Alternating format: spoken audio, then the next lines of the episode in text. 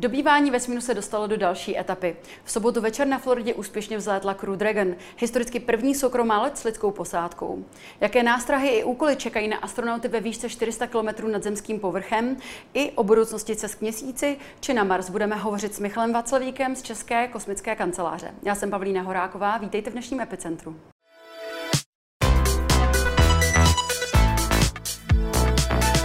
Pane Vaclavíku, vítejte ve studiu. Díky za pozvání, dobrý den. Pojďme si nejdříve připomenout události tohoto víkendu a já vás poprosím o komentář. Pojďme na to. Tak, tady vidíme start nosné rakety Falcon 9, na jejíž palubě je teda kosmická Crew Dragon a dvoučlená posádka amerických astronautů. Je to po devíti letech, co teda znovu z americké půdy startuje eh, pilotovaná kosmická loď. A ten let my uvidíme pár sekund, ale trval celkově 12 minut, než dostála vlastně oběžné dráhy. Tady vidíme prostřih na Elona Muska a prezidenta Trumpa, který se byl podívat na start, byla to taky událost i pro něho. No a tady už vidíme posádku. Crew Dragonu jsou ti pánové v tmavých tricích a vstupují na, na stanici ISS a vítá je trojice stále posádky, to jsou ti pánové v těch světle modrých kombinézách. Děkuji. Eh, připomeňme, že původně měla Crew Dragon startovat už ve středu, ale start byl odložen kvůli nepříznivým povětrnostním podmínkám.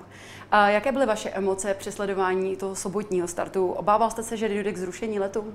Obával ze dvou důvodů. Za prvé by se to teda odložilo, což by mě eh, vadilo, už jsem se na to opravdu těšil, a také bych musel do jiných médií zase o den později nastupovat, takže bych si další den v Volovkách zabil přípravou na rozhovory, takže byl jsem rád, že se to v tu sobotu uskutečnilo a, a start proběhl úspěšně, a jsme viděli na tom videu, které jsme si před chviličkou pouštěli. Poté, co loď Crew Dragon dorazila na oběžnou dráhu, uh, začalo 19-hodinové pronásledování Mezinárodní kosmické stanice a v neděli v 16 hodin, v 16.16 16, ve výšce 422 km nad zemí, kdy stanice byla mm, nad um, severní hranicí Číny a Mongolska se Crew Dragon napojila na ISS. A posádka stanice se tak rozhrostla na pět osob. Jak kritický byl tento moment? Tak kritické momenty jsou v podstatě tři. To je start, ten jsme viděli, ten se povedl, přiblížení ke stanici a spojení, to také se povedlo, a potom přistání, tomu si povíme možná něco za chviličku. Teď k tomu samotnému stíhání ISS, ten 19-hodinový let nebyl jaksi jednoduchý. Posádka samozřejmě musela otestovat kosmickou loď, protože poprvé letěla z posádku, takže těsně po startu, chviličku, asi hodinu a půl, zkoušeli vlastně ruční řízení toho, této kosmické lodi a potom těsně před připojením znovu vyzkoušeli, jestli kosmická loď reaguje na jejich příkazy, kdyby náhodou selhala automatika, aby mohli převzít řízení a případně třeba uhnout, aby se nesrazili s kosmickou stanicí. Jinak vlastně většinu toho 19 hodinového letu prospali a odpočívali. Tam není moc na práci, takže oni pracovali z začátku, pak šli spát, probudili se a spojili se ze stanicí. Jaké hlavní úkoly mají astronauti NASA Robert Behnken a Douglas Hurley? Tak jejich hlavní úkol je otestovat kosmickou loď. Udělali první část, čili odstartovali, přiletěli ke stanici, čeká je za několik měsíců potom ta poslední fáze, to přistání. Teďka se vlastně stali ne součástí posádky ISS v tom eh, klasickém slova smyslu, protože na stanici pracují dlouhodobé posádky, my nazýváme expedice, mm-hmm. teďka je to expedice 63, a oni jsou návštěvní posádka, čili se jako návštěvníci této expedice připojí k eh, těm činnostem, které tam kosmonauti běžně dělají a eh, rozšíří zejména ten západní segment stanice. Když tam, když tam, tam šoupnete tu stanici, tak ona se skládá ze dvou vlastně velkých částí. Eh, ta jedna je tzv. západní modul, to je ta, která blíže ke mně, mm-hmm. kde pracují američtí astronauti, evropští, čínč, eh, japonští pardon, a kanadští. A pak tam k vám eh, dozadu je ruský segment a tam pracují ruští kosmonauti zejména. Oni můžou přecházet jak chcou mezi sebou samozřejmě, ale takhle to je rozdělené. No a v tom západním segmentu byl vlastně zatím jenom Chris Cassidy, takže mm. tito dva Benken a Harley doplnili Chrise Cassidyho a jsou tam teďka tři a samozřejmě zvládnou více těch vědeckých úkonů a eh, Robert Benken a Chris Cassidy budou v příštím, vlastně v tomto měsíci už je červen, tak na konci června vycházet vně stanici a budou měnit jedny akumulátory, to, je, to budou čtyři výstupy, a při jednom výstupu ještě budou tady na evropském laboratorním modulu instalovat takovou vnější platformu pro experimenty, takže mají hodně práce a budou plně vytížení. Jak vypadá takový průměrný den astronauta na ISS? Úplně stejně jako náš, akorát je víc načasován napevno. Takže mají přesně dáno, kdy vstanou, kdy budou snídat, kdy budou jíst, kdy půjdou spát. Ale ten režim je podobný jako u nás. Takže ráno vstanou, nasnídají se, umyjou se, převlečou se, pak pracují, nají se, pracují, odpočívají a pak jdou spát. Takže podobně jako u nás. to platí i o rozložení týdne, čili takhle pracují ve všední dny a víkend je volnější, přičemž je tam zapojen i úklid, takže podobně jako my uklízíme spíš o víkendu, tak oni také o víkendu vlastně povinně musí udělat některé čistící úkony na stanici, aby stále byla eh, vlastně v dokonalém stavu. Takže opravdu podobně jako, jako to máme my, s tím, že samozřejmě uh, musí ta jejich práce splňovat předem naplánovaný harmonogram, takže oni, když mají na pracovat, tak musí na tom pracovat, nemůžou si odskočit na záchod třeba, protože teď má úkol dělat na tomto přístroji, takže musí pracovat. Když mu to ne, ne, nefunguje, zavolá na pozemní středisko a řekne mu, tak se na to vyprdní, přikroč k jinému úkonu, my to uděláme nějak jinak potom třeba později. Mm-hmm. Jo, nesmí se zaseknout na nějakém úkolu a strávit na tom půl dne, to prostě nejde, protože té práce je tam opravdu hodně a těch kosmonautů tam není tolik, aby, aby se vlastně tím časem plýtvalo, když to mm-hmm. takhle řeknu. A jak se řeší právě komunikace třeba s rodinou, anebo uh, jídlo, palivo, jak se řeší um, třeba zdravotní komplikace, když k ním dojde? Jo. Uh, tak zásoby na stanici vozí kosmické lodě, které jsou nepilotované, těch tam lítá několik typů. Japonci mají svoje, rusové. Může se to třeba jak často? Jo. Uh, v podstatě řekněme jednou za dva měsíce aspoň jedna letí, mm. takže celkem často. A ty vozí jak palivo, tak jídlo, Eh, vodu případně, a voda se recykluje na stanici, takže není potřeba i tolik. Samozřejmě osobní předměty a tak dále, takže to všechno se tam dováží. A ta komunikace eh, s rodinami probíhá právě před tou dobou spánku, kdy má kosmonaut třeba dvě, tři hodiny volna, pak si zaleze do své kukaně, ve které spí, má to vlastně takový svůj byteček, kde má třeba fotku, má tam svůj laptop, má tam MP3 přeráž nebo něco, pouští si písničky, filmy, co už chce a může samozřejmě četovat s rodinou, buď mm-hmm. pomocí nějakého chatu, nebo můžou, můžou si dneska už i v podstatě jako kdyby skypovat, můžou si přinášet obraz a vlastně nějakou chvilku s rodinou mluvit a mají to na zabezpečené lince, aby eh, nemohlo dojít k únikům nějakým soukromých informací. Takže to je jedna věc, která je vlastně normální jako s každým, můžou opravdu komunikovat úplně stejně jako my. Mm-hmm. Jo. A co se týká právě těch zdravotních komplikací, kdyby k ním došlo? No, kdyby to byl, bylo na, jako zásadní, tak se stanice evakuuje. Mm-hmm. Kosmonauti se umístí toho zraněného nebo nemocného do kosmické lodi a společně s ním teda odletí a přistanou. A jak rychle dokážou takhle reagovat? Uh, no, ta evakuace by trvala několik hodin mm-hmm. po přistání, takže za několik hodin by mohli, mohli být na zemi a přistát. Samozřejmě uh, to přistání je velmi náročné, takže mm-hmm. třeba by to nemusel přežít, takže pak je na lékařích vyhodnotit, jestli není lepší zůstat na ISS, protože tam je celkem eh, dobře vybavená v volkách první pomoc, tady mm-hmm. jsem dělal jednoduché operace, a vždycky jeden z kosmonautů je jako kdyby vyškolen jako medic, takže vlastně je tam palubním lékařem, plus na zemi mají vždycky k dispozici celý tým specialistů a můžou se říct, bolí mě zub, co mám udělat. Mohou konzultovat. Takže mm-hmm. A dneska máte už teleoperace jako lékařské mm. běžné na Zemi, takže to je vlastně podobné. Mm. Jaké jsou tedy hlavní nástrahy nebo výzvy, které musíte astronauti uh, takhle vysoko nad zemským povrchem čelit? Tak je jich několik. Zaprvé jste po dlouhou dobu, třeba půl roku, v uzavřeném prostředí. Poměrně malém, ta stanice sice je velká, ale vlastně malá. Nemůžete nikam jít ven, nemůžete otevřít okno, nemůžete, jste omezení vlastně, stejně jako máte omezený počet lidí, s kterými jste. Mm. Takže kosmonauti se i trénují v tom, že se znají, že se viděli v přícviku, aby nedošlo k tomu, že si nesednou. Jo, takže když se to vidí, že si nerozumí, tak se ten výcvik přeruší a najdou si jiné posádky. Ale jsou to profesionálové, takže oni společnou řeč vždycky najdou nějakým způsobem. A pak tam máte nástrahy kosmického prostředí, které je nehostinné, na Zemi ho neznáme. Máte tam mikrogravitaci nebo laicky řečeno bez tíži, což je stav, hmm. který naše tělo nezná. Máte tam kosmické záření. To jsou zase věci, které na Zemi neznáme a ty samozřejmě ovlivňují lidské tělo, jeho, jeho chování, náš mozek.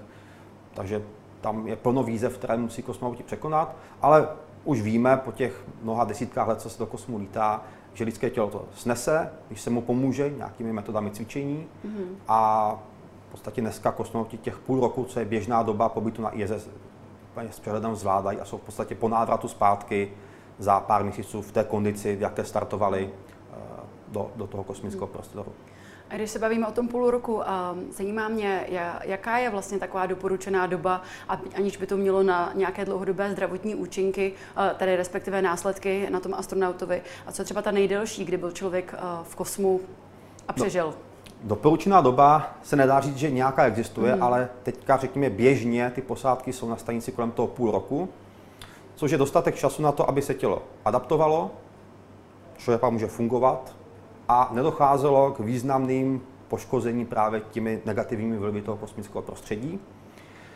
Proč tomu tak je? Samozřejmě my potřebujeme, aby ten kosmonaut byl jako nástroj pracovní, ale také jako pokusný králík. Mm-hmm. Čili na něm potřeba dělat experimenty a ty potřeba dělat dlouhodobě. Když tam bude dva dny, tak se nic nezjistí. Když tam bude tři dny, taky ne. Potřebujeme tam mít aspoň několik týdnů, ty měsíce jsou optimální, třeba těch pět, měsíc, pět, šest měsíců je jako fajn. A co nejvíc zase těch lidí, aby tam bylo, abyste měli nějaký vzorek reprezentativní. To maximum taky nevíme. Rekord je něco přes rok, kumulo, jako v jednom zátahu, kumulovaně je to ještě víc při několika letech. Eh, je to stále ale málo třeba pro cesty na Mars. Potřebujeme, aby kosmonaut přežil 2,5-3 roky. A to ještě v drsnějším prostředí, protože poletí vlastně mimo atmosféru Země, magnetické pole Země a nebude chráněn těmito dvěmi vrstvami a bude vystaven, já říkám, plné palbě kosmického záření, čili to, zátěž na, ten, na to tělo bude ještě větší, ta, právě toho ionizujícího záření. Mm-hmm. A tam třeba vůbec nevíme, jaké jsou důsledky dlouhodobé expozice. Takže to je věc, která se musí vyzkoumat a pak můžeme říct, bude bezpečné letět na Mars. Mm-hmm. Od samého začátku se hovoří o tom, že astronauti nebo posádka Crew Dragonu by měli strávit na ISS zhruba 1 až 4 měsíce. Kdo tohle to rozhoduje a co o tom rozhoduje? V tomto případě to je takový netypický uh, stav, protože ta kosmická loď je nová, testuje se, takže tam není striktně řečeno, jak tam dlouho bude, protože za prvé uh, je tam dopad uh, právě toho kosmického prostředí na některé části té kosmické lodi, zejména na fotovoltaické panely nebo na solární panely, chcete-li, hmm. které jsou vystaveny přímo kosmickému prostředí. Nemůžete zakrýt, protože by nefungovaly. Nesvítilo by na ně slunce. Hmm. A nevýhoda tady těch výše kolem těch 400 km, co jste říkala, že se pohybuje stanice ISS, je také ten, že tam stále ještě atmosféra Země. A velkou část toho je atomární kyslík, což je kyslík, který není jako na Zemi tady vázán jako molekula O2 nebo O3 jako mm-hmm. ale atomární. A ten je strašně agresivní a rád se spojuje s čímkoliv. Mm-hmm. S jakýmikoliv kovy třeba. No a tady právě jsou některé kovové plošky na těch panelech, které eh, tímto velmi rychle degradují. A musí se zjistit, jak rychle to probíhá u těchto panelů, protože ty jsou, ty jsou tam je používá jiná technologie trošičku, tak je tam ten rozptyl. A kosmonauti i teďka, když budou na stanici, budou sem tam vstupovat do kosmického lodi Dragon mm-hmm. a zjišťovat, jak se ty panely chovají. Mm-hmm. Když se zjistí nějaká něme, velká, rychlá degradace, tak nastoupí, ne hnedka, třeba tak za týden odletíme, aby to bylo jako pro sichr. A když to bude v pohodě, tak tam můžou být prostě až těch 119 dní, což je teďka limit, a neoficiálně teďka se hovoří o 110 dnech, že by tam mohli být, pokud teda všechno půjde tak, jak podle má, plánu. Podle mm-hmm. plánu. A majitel SpaceX Elon Musk řekl, že jeho největší obavou není start kosmické lodi, ale i bezpečný návrat zpátky na Zem. Mohl byste popsat, v čem je tedy ten návrat horší než ten samotný start? Start je také nebezpečný, o tom, o tom žádná, ale tam mají kosmonauti po celou dobu toho startu rakety možnost se zachránit. Čili ona se ta kabina může kdykoliv utrhnout v vozovkách od té rakety a odletět pryč. Čili posádka by se zachránila v každé fázi letu od času nula, po těch 12 minut, to už jsou na běžné dráze, v podstatě tam by prostě se taky oddělili. Při tom přistání tady ta šance není.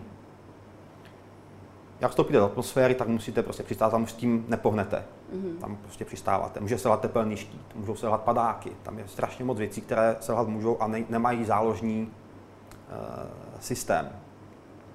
Stejně do té atmosféry musíte vstoupit velmi přesně. Když vstoupíte hodně pod malým úhlem, tak budete sice poletíte dlouhou dobu, tak aby se bude zažívat a po delší dobu, takže zase zhoří. Pod velkým úhlem bude velmi teplně namáhána a zase ty materiály nevydrží, zhoří. Takže máte velmi úzký koridor, do kterého se musíte trefit, hmm. aby to přesně přesně vyšlo. Takže je to, a to je řízeno ze země, nebo to nějakým způsobem ovlivňují přímo právě to řídí, členové posádky? To vypočítá země a kosmická loď to pak sama provede ten manévr. Eh, tady sice to jde navést ručně, ale v tomto případě přístroje jsou mnohem přesnější než, než člověk. Ale posádka by měla mít schopnost navést tu kosmickou loď na přistání i ručně, i manuálně. Hmm. Jaký je váš názor na aktivitu Ilona Muska a SpaceX, která vypustila na nízkou oběžnou dráhu Země další várku satelitů systému Starlink, který by měl poskytnout vysokorychlostní eh, internetové připojení v místech, kde ho zatím není? Někteří věci tento projekt kritizují s tím, že se zhorší viditelnost pro výzkumné teleskopy. A já, pardon, jenom vstoupím ještě do toho a eh, připomenu, že těch družic v tom systému už je 420. Tak. A to není konečné číslo, bude jich mnohem více, budou jich velké tisíce, vysoké hmm. řády tisíců. Eh, to, co dělá Elon Musk, jsou dobré věci. Některé jsou úžasné, některé méně, některé jsou úplně blbé, to je normální, že člověk dělá různé, různé věci. Starlink je jedna z těch na hranici těch méně podařených, aspoň z mého, z mého osobního úhlu pohledu. Tady ty, my tomu říkáme megakonstelace družic, kde, kde jsou to tisíce třeba malých družic na běžné dráze, jsou hrozbou. Hmm. Uh, nejenom pro astronomy, kterým to samozřejmě vadí, protože pak mají přes všechny své fotografie čáry, což je plně chápu a podporu v tomto, že, že se jim to nelíbí. A tady opět zaspala, zaspala, zaspala legislativa nebo nějaká odborná diskuze, kdy sice se už deset let zpátky, co si pamatuju, právě tématika megakonstelací v odborné komunitě projednávala, co to přinese, co to nepřinese, jaké to jsou hrozby, jaké to má výhody, jaké to má nevýhody, mm-hmm.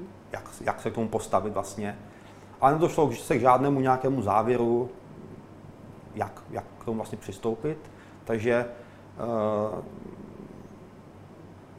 SpaceX si udělal to, co udělal, což samozřejmě může, tady regulace žádné neexistují v podstatě. Mm-hmm ale myslím si, že by bylo, mluvím úplně jako za sebe, lepší počkat si na nějaký fundovanější názor nebo názor většiny, jak k tomu přistoupit. Že třeba Evropská kosmická agentura měla obavy a má obavy z velkých konstelací. Ta si uvědomila jako jedna z mála, že, že to je hrozba. Nejenom pro astronomy, to samozřejmě pro ně to je velká tragédie, ale i pro provoz družic. Když tam máte hodně hrozí více, že se můžou srážet. Když se srazí, máte mnoho úlomků a ty úlomky se pohybují velkou rychlostí. Ta rychlost má kilometry za sekundu. Ty na Zemi neznáme vůbec. Mm-hmm. To mám i malinká kulička prostřelí celou družici skrz na skrz. Takže to je velmi nebezpečné. Těch úlomků můžou vznikat tisíce, desetitisíce. A pak v volovkách zasviníte, když použiju to slovo, sám můžu. Ano. Uh, uh, oběžnou dráhu nějakou. Znečistíte, ano, to je možná lepší slovo. A byť třeba pardon, ještě když třeba, byť třeba Elon Musk říká, že to má pořešené, tak nikdy neřekl, jakým způsobem ty družice mají. Oni sice mají plně nějaký antikolizní systém, ale nikdo neví, jaký. Mm-hmm. No, jasně, je to soukromá firma, může si dělat, co chce, ale toto by třeba mohlo odhalit více, aby lidi ujistili, že to má zmáknuté. Já si myslím, že to zmáknuté právě nemá. A víme, kolik těch objektů celkově vlastně nad námi lítá momentálně, teď nejenom těch družic, ale i těch dalších? Uh, víme a nevíme. Uh, ze země můžeme sledovat pouze ty velké. Mm-hmm. Ty malé nevidíme vůbec. Na to nemáme uh, prostě přístroje ani optické, ani radarové, tam prostě nevidíme. Těch, které registrujeme, jsou nízké desítky tisíc, o kterých víme, na jakých dráhách se pohybují. Tam jsou i družice, i různé úlomky družic. Ale těch reálných objektů, které tam opravdu jsou, a jsou menší třeba než 5 cm, jsou 100 tisíce a těch ještě menších jsou miliony. A těch mm. úplně malých, třeba milimetrových, jsou 100 miliony. A těch objektů, které jsme tam vyslali my? To jsou jenom ty, které jsme tam vyslali my. Aha. Uh, když se tam vysle, vyšle nějaká ta družice nebo i nějaký satelit a dojde k, k vypnutí nebo k nějakému technickému problému, jak se potom vrací zpátky na Zem? A no právě, právě, že nevrací. Nevrací, zůstává. Když máte nějakou družici, na nízkoběžné dráze třeba probíhá ISS a ukončí se její činnost, buď nominálně, nebo prostě družice umře a zůstane v celku, tak ona postupně tím, že tam ještě je atmosféra stále, tak se oni brzdí a třeba za pět let zanikne sama. To platí o různých těch úlomcích. Mm-hmm.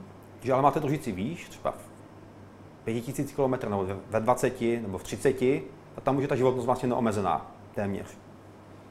A tam ta družice je na věky a všechny úlomky tam jsou na věky.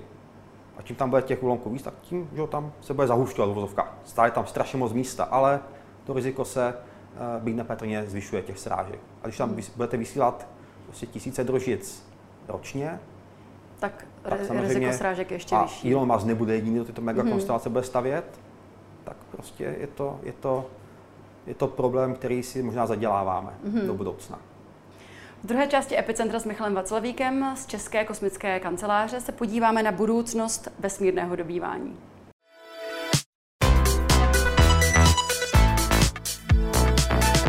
Jaká je budoucnost soukromých letů do vesmíru? Mám tím na mysli tedy přepravu osob. A jakým způsobem a kdo uděluje licence na tyto lety a na cestování? Tak, eh, tady jsou dvě věci, které, které eh, máme do udělu licence. To je nějaký národní úřad většinou. Mm-hmm. V Americe to je jejich úřad americký, teda samozřejmě NASA, která si to třeba objednává, tuto kabinu od SpaceX, ale musí mít také povolení od leteckého úřadu federálního. To platí samé v Rusku, platí to v Evropě, každý to má vlastně na národní úrovni nějak pořešené. nějaká mezinárodní kontrola v tomto moc nefunguje. V podstatě eh, jsou nějaká doporučení od OSN, které ale doporučují. A ty říkají, státy by měly, nebo státy by mohly dělat to a to, ale nemusí. Když to mhm. neudělají, nic se neděje. Takže tady jako, nějaká, jako celosvětová kontrola neexistuje a není. Byť by třeba měla být vůči třeba těm Starlinkům, které jsme se bavili před, před chvíličkou. Takže tady opravdu spíš jde o to, jak si v našem případě NASA, protože nikdo jiný vlastně si neobjednal soukromé lety, eh, k tomu přistoupí, ta si ta zadala nějaké podmínky a oslovila firmy, které se přihlásily, dopravu nákladu vyhrálo zase SpaceX, lodí Dragon, která je mm. nákladní, a uh, Orbital Sciences, dneska, dneska Northrop, firma, která má lodě Cygnus, ty zase nákladňáky dováží zásoby na ISS. A NASA jenom platí službu. A ty firmy sami to staví a provozují.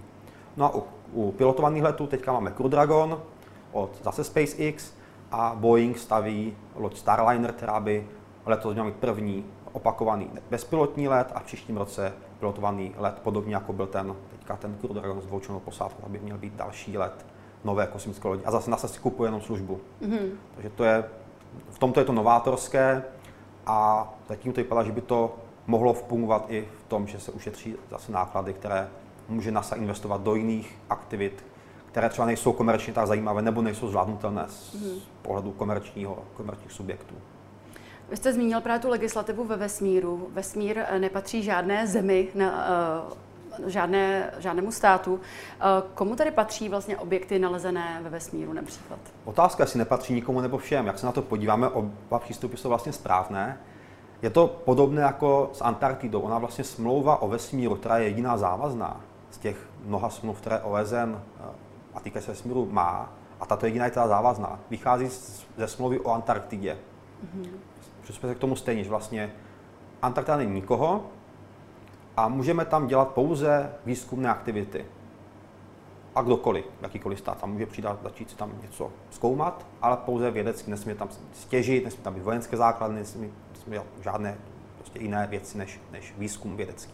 To platí o vesmírných tělesech. Mm-hmm. Když poletím na měsíc, můžu tam dělat výzkum a nemůžu to nikdo zakázat. Když budu chtít přistát tady, tak mi nemůže nikdo říct, tam nepřistávej, tam chci přistát za pět let já to nemůže nikdo říct. Jo? Ale musím se k tomu chovat, tomu tělesu ohleduplně. Nemůžu tam odpálit atomovou bombu, to je taky zakázané. Nikde, ani v atmosféře Země, to už se dneska nesmí. Tady toto se třeba řeší a nepatří to nikomu, ani, ani asteroidy nikomu nepatří. A pravda, že třeba uh, už některé firmy se poohlíží do té budoucnosti hodně vzdálené, za 50 let, za 100 let, kdyby se asteroidy mohly těžit.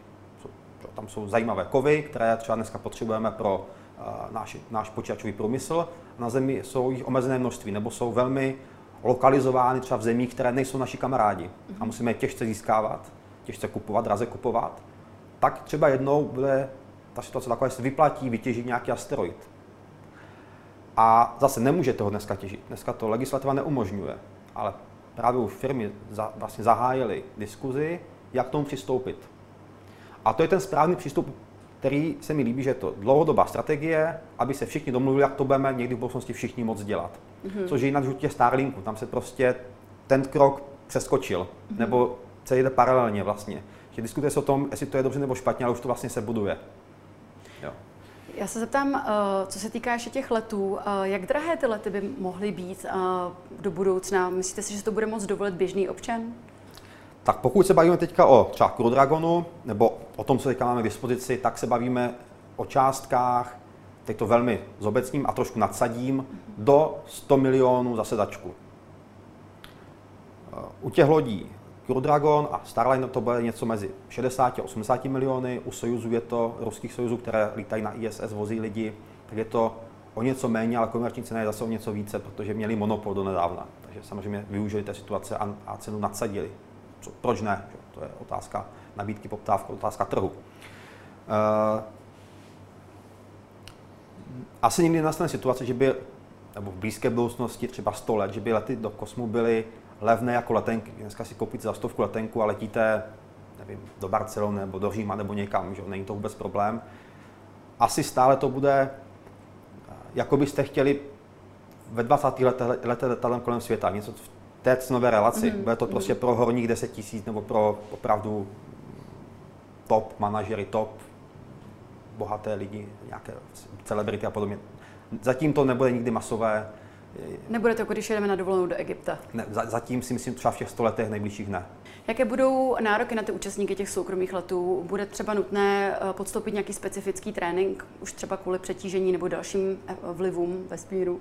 No pokud se bavíme teďka o ty naše lety na ISS, tam jsou to profesionální kosmonauti, ti mají kompletní výcvik, jak má Mám být. na mysli tu budoucnost těch soukromých letů. Tam zase uvidíme. Naše znalosti o tom, jak působí stav mikrogravitace na lidské tělo, jsou sice dobré, ale máme zase informace o vlivech na trénovaný lidský organismus, plně zdravý. Mm-hmm.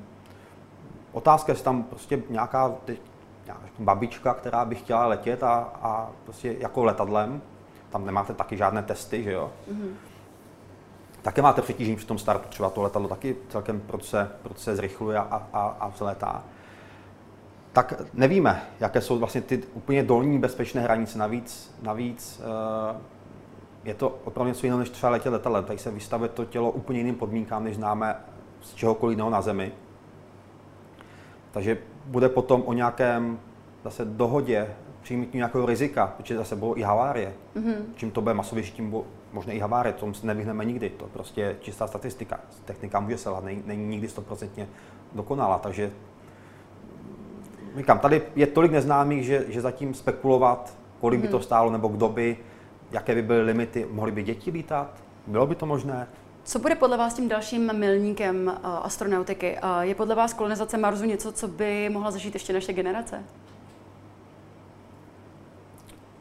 Těžká otázka, nebo otázka, no. Ah. Tu kolonizaci Marsu zmiňuje právě Elon Musk. Uh, já si myslím, že spíš ne, mm-hmm. ale kdyby to bylo, tak nebudu se tomu bránit samozřejmě, aby jsme to tady prožili společně. Mm-hmm. Ale prvním krokem je teda uh, zatím měsíc, že? tam jsme zatím moc, čas, moc času nepobili, v 60. 70. letech, takže uh, první logický krok je Eh, vrátit se na měsíc a obnovit si eh, a rozšířit znalosti, které máme o pobytu právě mimo oběžnou drahou země, mm-hmm. kdy, jak jsem už zmiňoval, jsme, nebo kosmonauti jsou chráněni obalem Země, atmosférou magnetosférou, a u toho měsíce na povrchu nebo v jeho blízkosti nebudou takto chráněni a to simuluje ty podmínky, které třeba jsou na Marsu, nebo simulují cestu k Marsu. Takže tam bychom měli začít, protože stále je snažší vrátit se od měsíce k Zemi, mm-hmm. kdyby se něco pokazilo. To je otázka pár desítek hodin, než se vracet od Marsu. To nejde. Mm-hmm. Tam musíte už opravdu doletět, nebeská mechanika je neoblomná a nemůžete otočit a vrátit se zpátky. To prostě nefunguje takhle. Takže když se něco stane, i třeba v prvním dni cesty na Mars, už se nemůžete vrátit už musí dokončit celou jo? tu Takže cestu. proto já říkám, že opatrně, protože je hloupost, abyste za těžké miliardy poslali na, na Mars posádku, tam přijete, přiletí a bude mrtvá. Mm-hmm. To naopak bude tragédie a, a ještě to ten program vlastně pozastaví. Takže a ta cesta by byla jak dlouhá? Záleží, ale minimálně se bavíme o dvou letech. Mm-hmm. s návratem zpátky na Zemi. Co se týká té cesty na měsíc, hovoří se o programu Artemis, který, eh, v rámci kterého by eh, mise na měsíc měla proběhnout během roku 2024. Původně byl plán tuším rok 2028, ale v březnu americký prezident Donald Trump to o té, o té čtyři roky posunul dříve. A hovoří se také o tom, že by tam poprvé mohla letět i astronautka. Tak, situace bohužel teďka uh, různými vlivy, ať to jsou koronaviry a technické problémy, se vrátila někde mezi tyto dva termíny, takže 24 už není úplně reálný termín. Uh, bavíme se třeba roku 25-26, i to, je, I to je stále úspěch oproti roku 28, který byl původně plánován. Pravda, ten harmonogram se malinko změnil, ta podoba toho programu, než bylo původně, ale to vůbec nevadí, ten cíl je stejný. Uh, má se přistát poprvé Eh, i na jižním pólu měsíce, což je zvláštní oblast, mm. kde je velké množství vody. Jsou tam i místa, která jsou trvale osvětlená sluncem, což jinak na měsíci samozřejmě není. Takže by tam bylo stále slunce a stále spojení se zemí. To je důležité právě pro nějaký ten eh, třeba budoucí základnu nebo něco takového, což by mělo být i tím vlastně cílem programu. Ne, ne, neletět tam jednou, jako třeba mise Apollo, opravdu to byly jako mise do jednotlivých míst na měsíci, odebrat vzorky, nic víc, Tady by se opravdu měla začít budovat trvalé, oby, obyvatelná, zatím pídi základna, která se třeba časem rozroste do něčeho většího. A to uh, hovoříte o té stanici Gateway, o které se... Ne, ne, ne, to je nějaká neznámá stanice zatím mm-hmm, u, mm-hmm. na povrchu měsíce. A aby jsme měli jakousi podporu z oběžné dráhy, tak se právě ještě buduje jako součást to, nebo jako vedlejší kolej programu Artemis stanice Gateway, která bude obíhat po takové zvláštní dráze kolem měsíce a bude celkem snadné k ní přiletět od Země mm-hmm. a bude celkem snadné od ní odletět měsíce. Bude taková přestupní stanice a budou tam moc pendlovat třeba experimenty, zásoby a podobně, že vlastně přiletíte nějakou třeba velkou lodí stanici Gateway, přeložíte zásoby, odletíte k Zemi a pak nějakou, třeba nějakým malým přistávacím modulem ty zásoby dopravíte na eh, to místo na měsíci pro máme si, podporu posádky. Máme si tedy představit něco jako ISS? Něco, budou to nějaké moduly složené hmm. k sobě, ale bude to menší. Hmm. Bude to menší, řekněme, bude to, a bude růst vlastně po dobu celé dekády, tak řekněme, něco mezi třetinou a menší polovinou hmm. stanice ISS, v tom potom největším rozmachu stanice Gateway. A co se týká té astronautky, tak platí jo, to? pardon, to jsem zapomněl. Uh, já myslím, že to platí. Že to platí. Uh, ukazuje se, že ženy jsou stejně výkonné a stejně odolné jako muži. Samozřejmě jsou tam malinké rozdíly a to, je, to je, to je jaksi akceptovatelné. Mm. A já myslím, že by to bylo hezké, aby tam byla, aby tam byla žena a, a, a muž a, a je to úplně jedno, že ať jsou jako barevní, to řeknu, nebo z jakého jsou státu, to dneska je už mm. úplně jedno. Já myslím, že tam, tady se opravdu by mělo bojovat za tu, že to je celý svět. A také ten program je mezinárodní, jsou tam zase zapojeny všechny státy, třeba jako na stanici ISS. Mm. Takže to si myslím, že je dobrý krok do budoucna. Co se týká toho Marsu, tak mm, Elon Musk právě o něm eh, velmi často hovoří, ale eh, před asi čtyřmi dny na texaském kosmodromu Boca Chica testovali raketu Starship SN4, která by právě v budoucnu měla být schopná eh, vyslat lidskou posádku a 100 tun nákladů na měsíc a později také na Mars. Jde o opakovaně použitelnou raketu nové generace. Před čtyřmi dny však tedy vybouchla. Jak velká a jak jak častá je tato komplikace při, při testování nových raket?